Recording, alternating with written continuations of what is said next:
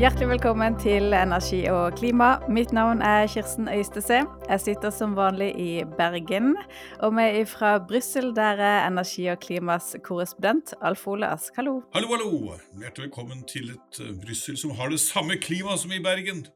Regn og tåke. Det er nesten alltid sånn. Ikke alltid, men i hvert fall nå på vinterstid. ja. Du, EUs agenda i fjor den var jo prega av krig og energikrise, men også en skjerping av klimapolitikken. Særlig siste halvdel og de siste månedene så ramla de fleste av brikkene i den store klimapolitikkpakka Fit for 55 på plass. Bortsett fra fornybardirektivet og energieffektiviseringsdirektivet som det fremdeles forhandles om, så ble Europaparlamentet og rådet enige om lovene og direktivene som i sum skal sørge for at utslippene kuttes med 55% innen 2030. Så da er spørsmålet hva skjer egentlig på energi- og klimafeltet i EU i 2023, og hvilke forventninger er det til hva EU skal levere? Ja, Vi starter jo på mange måter litt der som vi sluttet uh, før jul. Det er jo krigen i Ukraina og den skyggen den, uh, og virkningen av den kaster over energi- og klimapolitikken i EU, som fortsatt kommer til å liksom være bakteppet for alt som skjer i, i, i EU. Og der er selvfølgelig prisutviklingen Eh, på energimarkedene og hva som skjer med det. Eh, veldig veldig viktig hvis du snakker om hva som er viktig for folk flest i, i EU. Så Som du sjøl nevnte, vi er, eh, i ferd med å få på plass denne Fit for 55-pakken. Det er noe mer enn bare de to direktivene du nevnte. Det er en del knyttet til til f.eks. Eh, altså innblanding av ulike eh, For å få ned utslippene fra drivstoff både i shipping og i, eh, i luftfarten, som, som, står der. Eh, men de to hovedpunktene er, er eh, fornybarkravet og energiøkonomisering. Det har du, eh, har du, helt rett i.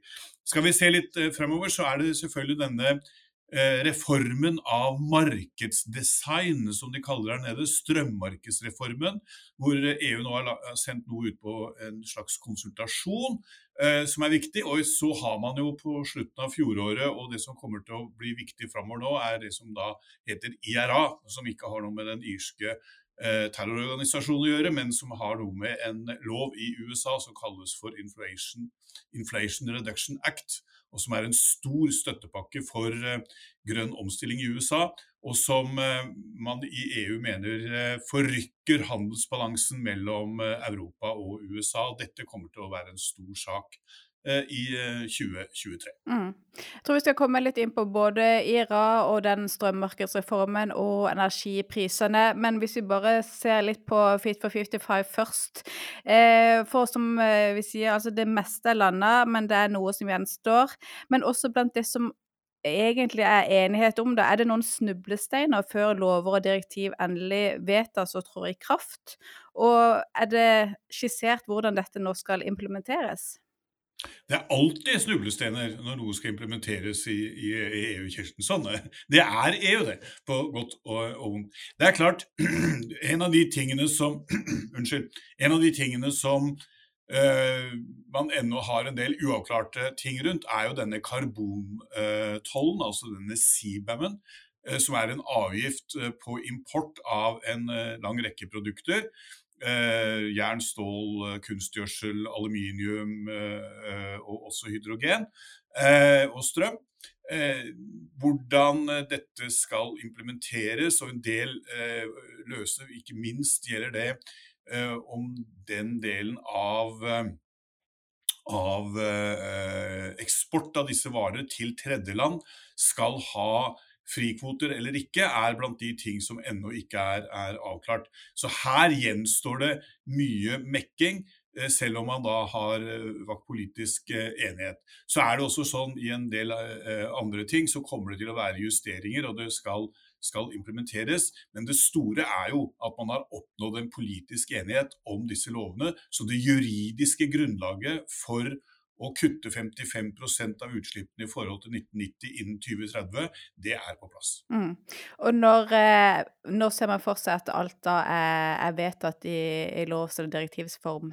Ja, eh, nå pågår jo da en del av disse gjenværende tingene den såkalte trilogen. Det betyr da forhandlinger mellom medlemslandene, altså rådet, som nå ledes av Sverige. Så det er de som fører land, eh, forhandlingene på vegne av eh, medlemslandene med Europaparlamentet, eh, som da er den andre institusjonen. Og disse to må da bli enige med hjelp av kommisjonen. Dette kalles trilog, og Sverige har som mål at dette skal skje eh, i løpet av første halvår i år. Og da kommer jo det store, det store milepælen er jo selvfølgelig når eh, Norge skal begynne å, å forhandle om, om, disse når alt er vedtatt i EU. Ja, altså eh, Du kan jo godt kalle det forhandlinger. Det, her handler det egentlig om å bare fyre opp eh, kopimaskinen. Eh, alle disse direktivene, med unntak av eh, energiskattedirektivet, Eh, der er det bare den delen som omhandler statsstøtte som er EØS-relevant, men ellers er absolutt alt dette i Fit for 55 og i denne påbyggingspakken, denne Repower EU som de kom med eh, i mai i fjor, som skjerper en del av eh, disse kravene.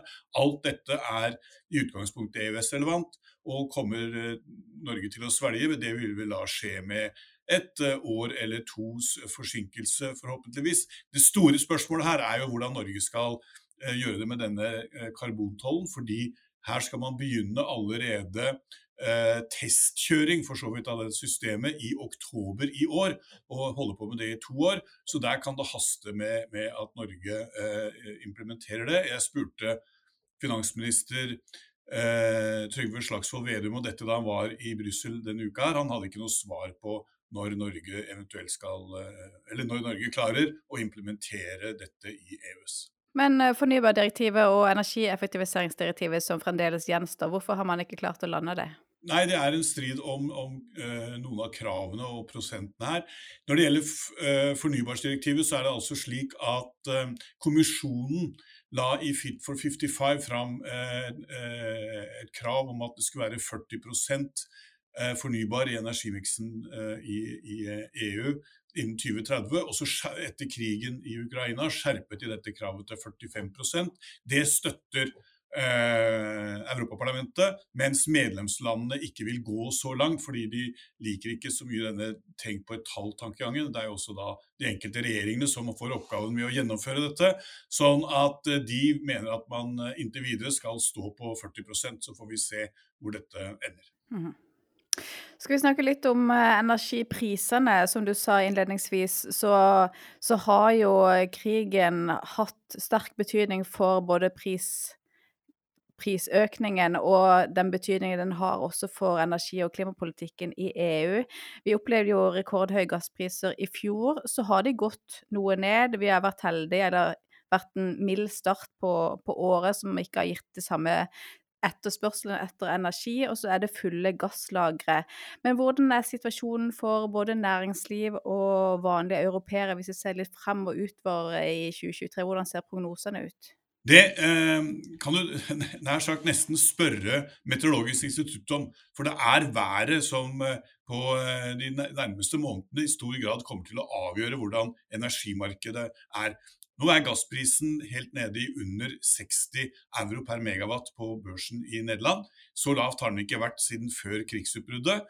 Men det er fortsatt en høy pris sammenlignet med det som var normalt før 2021, før man begynte å se disse manipuleringene av, av eh, gassmarkedet. Eh, så eh, ved siden av været, så er det eh, Som da vil påvirke hvor mye gass av det som nå er på lager, som kommer til å bli brukt i vinter.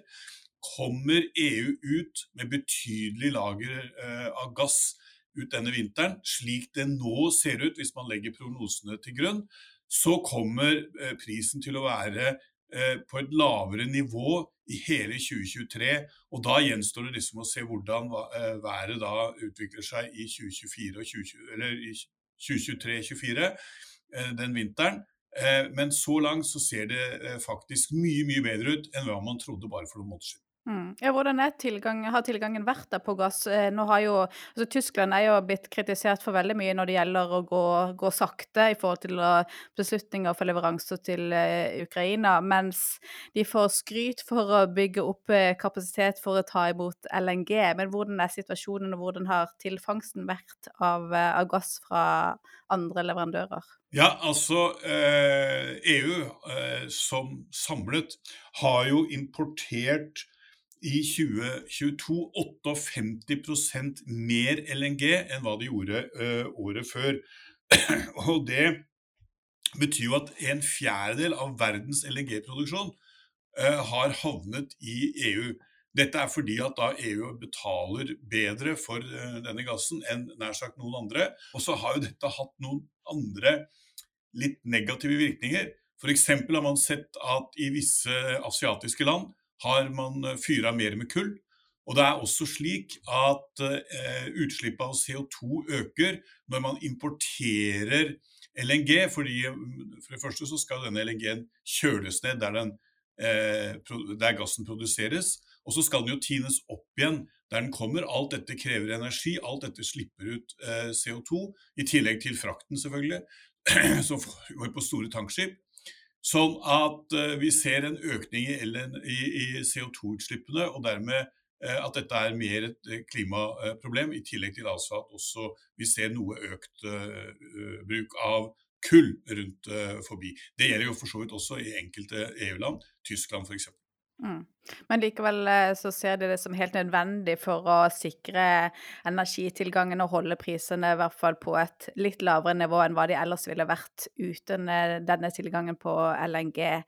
Men i tillegg til å få inn LNG i markedet, så er jo et annet viktig tiltak for å ha annen energi til erstatning for russisk gass, det er jo å bygge ut mer sol og, og vind.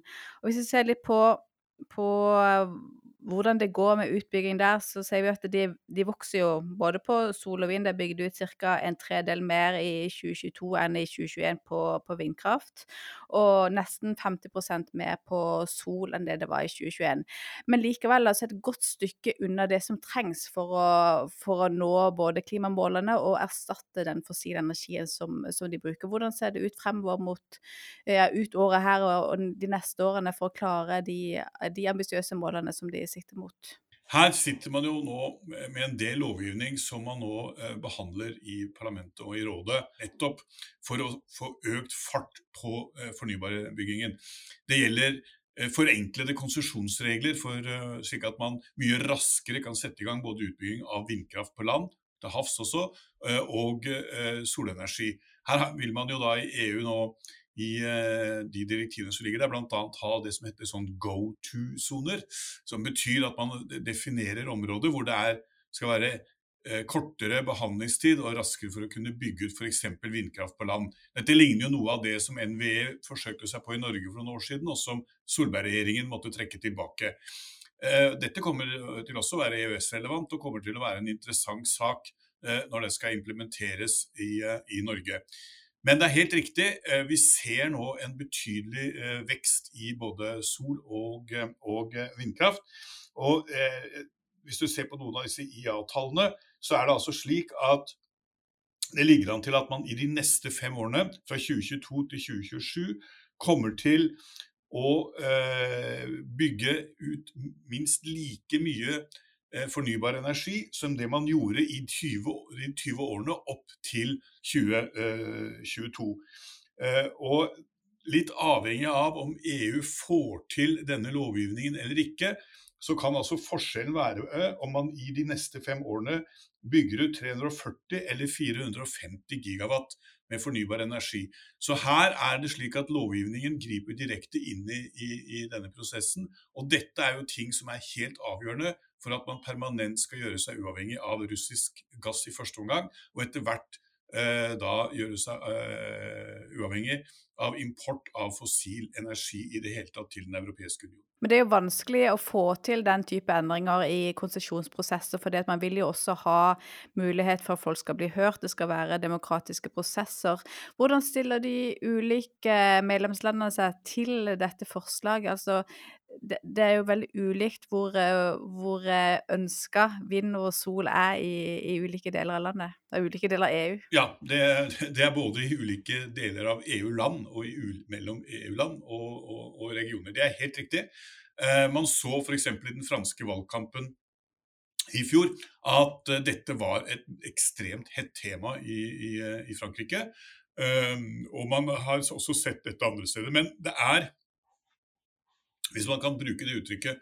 Det blåser nok en vind eh, over, over, EU som, eh, hvor man er opptatt nå av å gjøre det enklere å foreta disse eh, utbyggingene. I hvert fall i områder som er, allerede er industriområder, f.eks.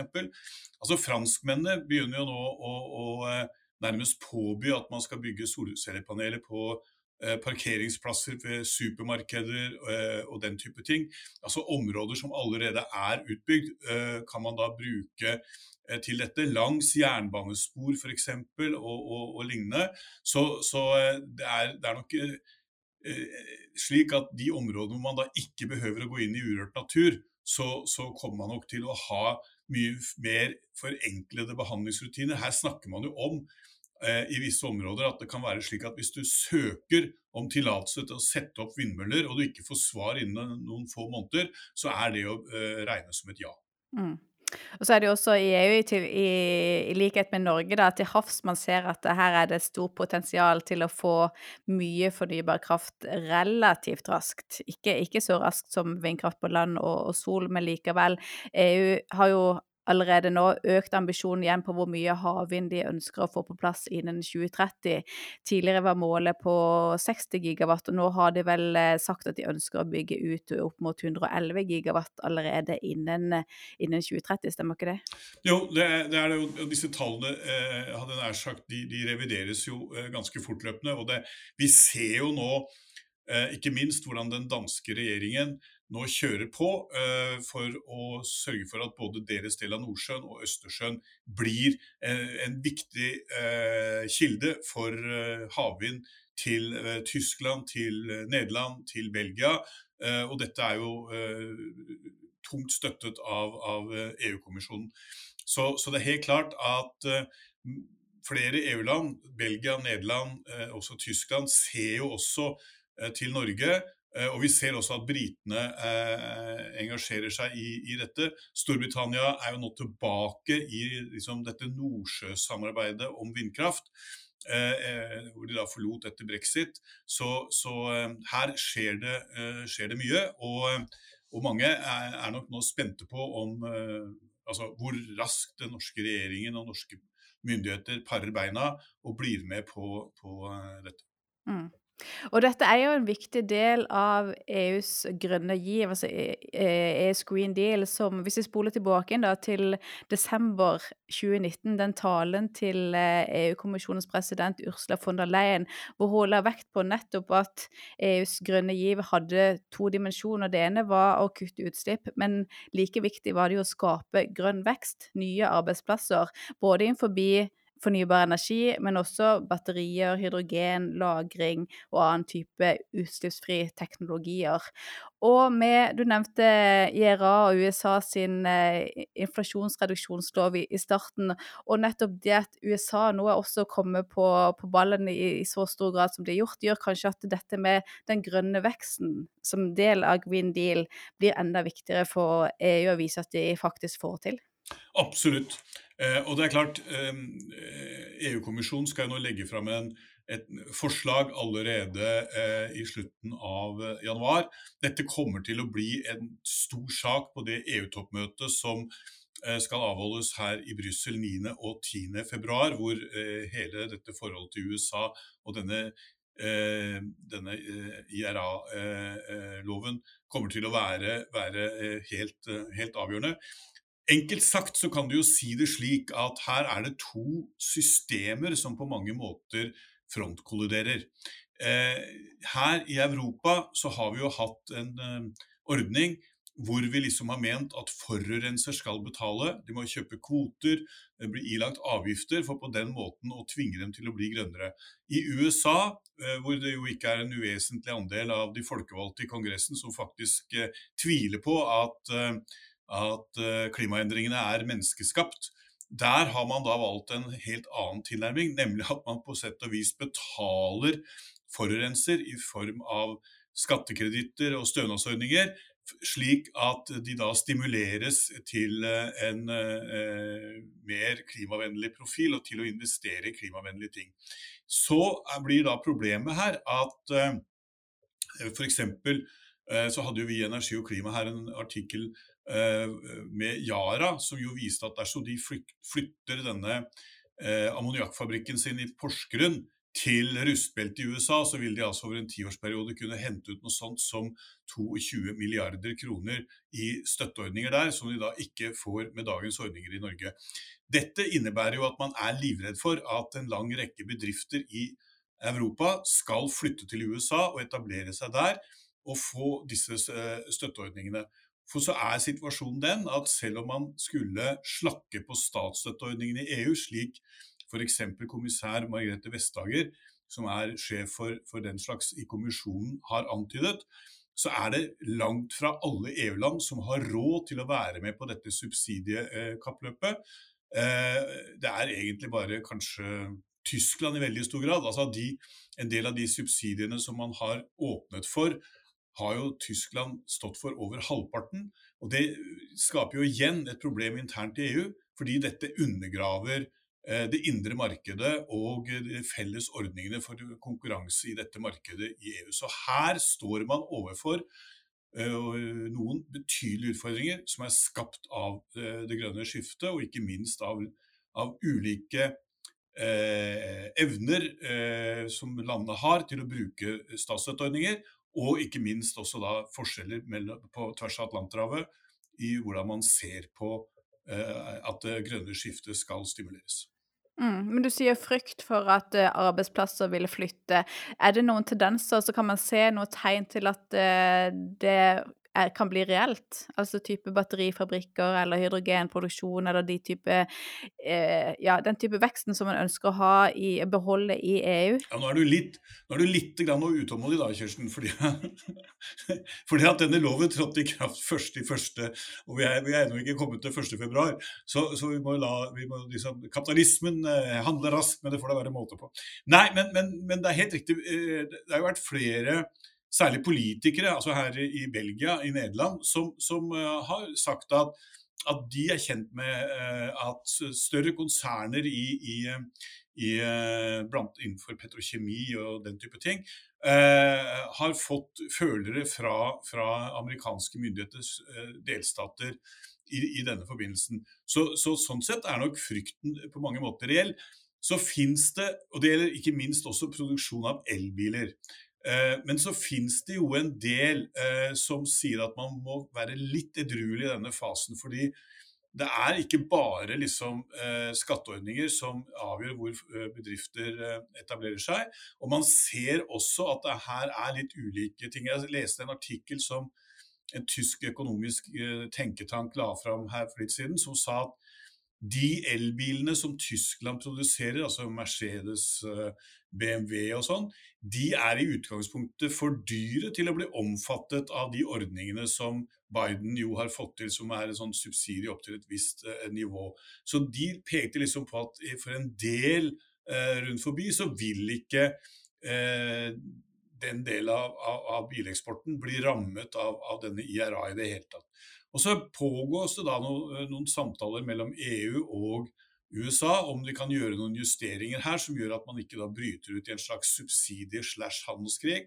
Og der har man også sagt at siden Norge er en del av det indre markedet, så vil Norge selvfølgelig bli omfattet av de løsningene som går på det indre markedet mellom USA og, og EU. Men eh, det er jo også slik at det finnes andre ting som kan dukke opp i denne pakken, som Norge ikke nødvendigvis vil være en del av.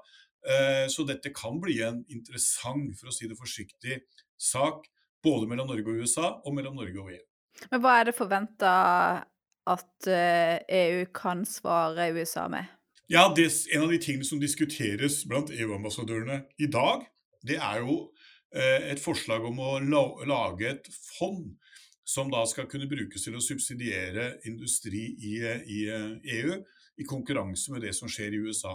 Det er det mange EU-land som er svært lite interessert i, for å si det forsiktig, fordi de frykter eh, mer opplåning, sånn fellesopplåning fra EU, økte eh, gjeldsbyrder, og mener jo at man ikke kan drive og subsidiere seg fram til, til eh, velstand. Så dette er et omstridt eh, forslag. Og så gjelder det da eh, endringer i statsstøtteregulativet, og så finnes det da selvfølgelig en del andre eh, ting som man kan gjøre for å, for å gjøre det, det eh, mer attraktivt. Altså det er f.eks. så bruker man jo ganske store midler for å støtte utviklingen av teknologi osv. I, i EU, som kan være interessant for, for, for, industrien. Men detaljene i dette vil man jo først få når kommisjonen forhåpentligvis nå legger fram eh, dette i løpet av eh, kort tid. Og eh, når man får diskusjon først på toppmøtet nå i februar, og så vil dette komme tilbake igjen på toppmøtet både i mars og på, eh, til sommeren. Dette kommer til å bli en sak som preger hele dette året. Ja. Vi kommer også tilbake igjen til den da i senere podkaster. Skal vi til slutt eh, si litt om status for eh, den store strømmarkedsreformen som vi har snakka veldig mye om og sett veldig lite til. Eh, og hele poenget med å se på en mulig reform av strømmarkedet, det er jo fordi at man ønsker å sikre tilgang til rimelig kraft for både vanlige folk og næringsliv, men uten å ødelegge de fordelene som strømmarkedet har hatt. Og nettopp derfor, fordi det er så vanskelig, så har det vært mye snakk, men eh, lite handling. Men kommisjonen har nå, nå invitert til høring. Og i høringsbrevet så er det en rekke problemstillinger og spørsmål som eh, kommisjonen ønsker svar på. Og når du leser disse spørsmålene, hva, hva forteller det om hvilken retning kommisjonen i hvert fall vurderer å ta strømmarkedet? Det vi kan se av, eh, av dette, og som det en del analytikere har pekt på, det er vel at eh, kommisjonen synes å være opptatt av å få på plass løsninger som gir mer bærekraftige priser til forbrukerne, samtidig som de skal sikre investeringer i eh, fornybar energi. Eh, og så langt så er vel ingen som egentlig tolker det at man vil angripe det, det, fysiske og kortsiktige markedet. Altså det er lite som tyder på at det kommer til å komme noen konkrete forslag om et pristakssystem, f.eks. For, for, for, for strømmarkedet. Eh, men at eh, reformene kommer til å ligge mer i, eh, i det langsiktige og i det finansielle del av markedet. Her er det en gammel kjenning fra debatten i Norge. Fastprisavtaler og differensieringskontrakter eller differansekontrakter som, som virkemidler også i, i sluttbrukermarkedet. Så det er vel eh, denne type litt mer kanskje kosmetiske endringer som man ser. Men vi vet ikke noe om dette eh, helt eksakt før kommisjonen legger fram sitt endelige forslag eh, i slutten av eh, første kvartal. Og så kommer jo dette til å bli eh, behandlet av Rådet og Europaparlamentet, og så skal de inn i lovgivningsprosessen i EU. Forrige gang man reformerte eller skapte dette markedet, så tok det jo ganske lang tid. Dette tror jeg kommer til å bli en prosess vi kommer til å se kommer til å, å, å vare en stund i eh, EU-systemet. Mm. Men det at det ikke det blir kanskje de drastiske tiltakene som du sier, med en, med en eh, makspris eller et pristak, eh, betyr det at eh, saken er blitt eh, mindre potent i, i, EU, eller er det fremdeles en vanskelig sak som, som, tar mye plass i diskusjonene? Den kommer fortsatt til å være en sak som kommer til å ta mye plass, fordi det er fortsatt mange som mener at man skal gripe mye tøffere inn enn det eh, som man kan tolke ut fra, fra det kommisjonen har lagt fram så langt. Eh, og så er det en del som da kommer til å være fornøyd med dette, eh, osv. Så, videre. så så disse frontene som vi har sett i møte etter møte siden energiprisene begynte å eh, stige høsten 2021, de kommer til å være der også i denne debatten og kommer til å prege dette. En av de tingene som kommer til å avgjøre intensiteten i denne debatten, det er jo selvfølgelig hvordan prisene utvikler seg på gass- og strømmarkedet fremover. Ser vi de lave prisene vi har nå, så vil antageligvis eh, intensiteten i den debatten være noe mindre enn om eh, vi får eh, høyere priser eh, fremover. Mm. Ja, men fint. Da, da tror jeg vi avslutter for eh, i dag. Kommer tilbake til både strømmarkedsreformen og eh, EUs svar på eh, inflasjonsreduksjonsloven i USA, og hvordan de håndterer både klimapolitikken og energipolitikken framover. Har eh, du noe mer du vil avrunde med? Nei, nå tror jeg faktisk vi har eh, sagt nok. Fint. Takk for i dag.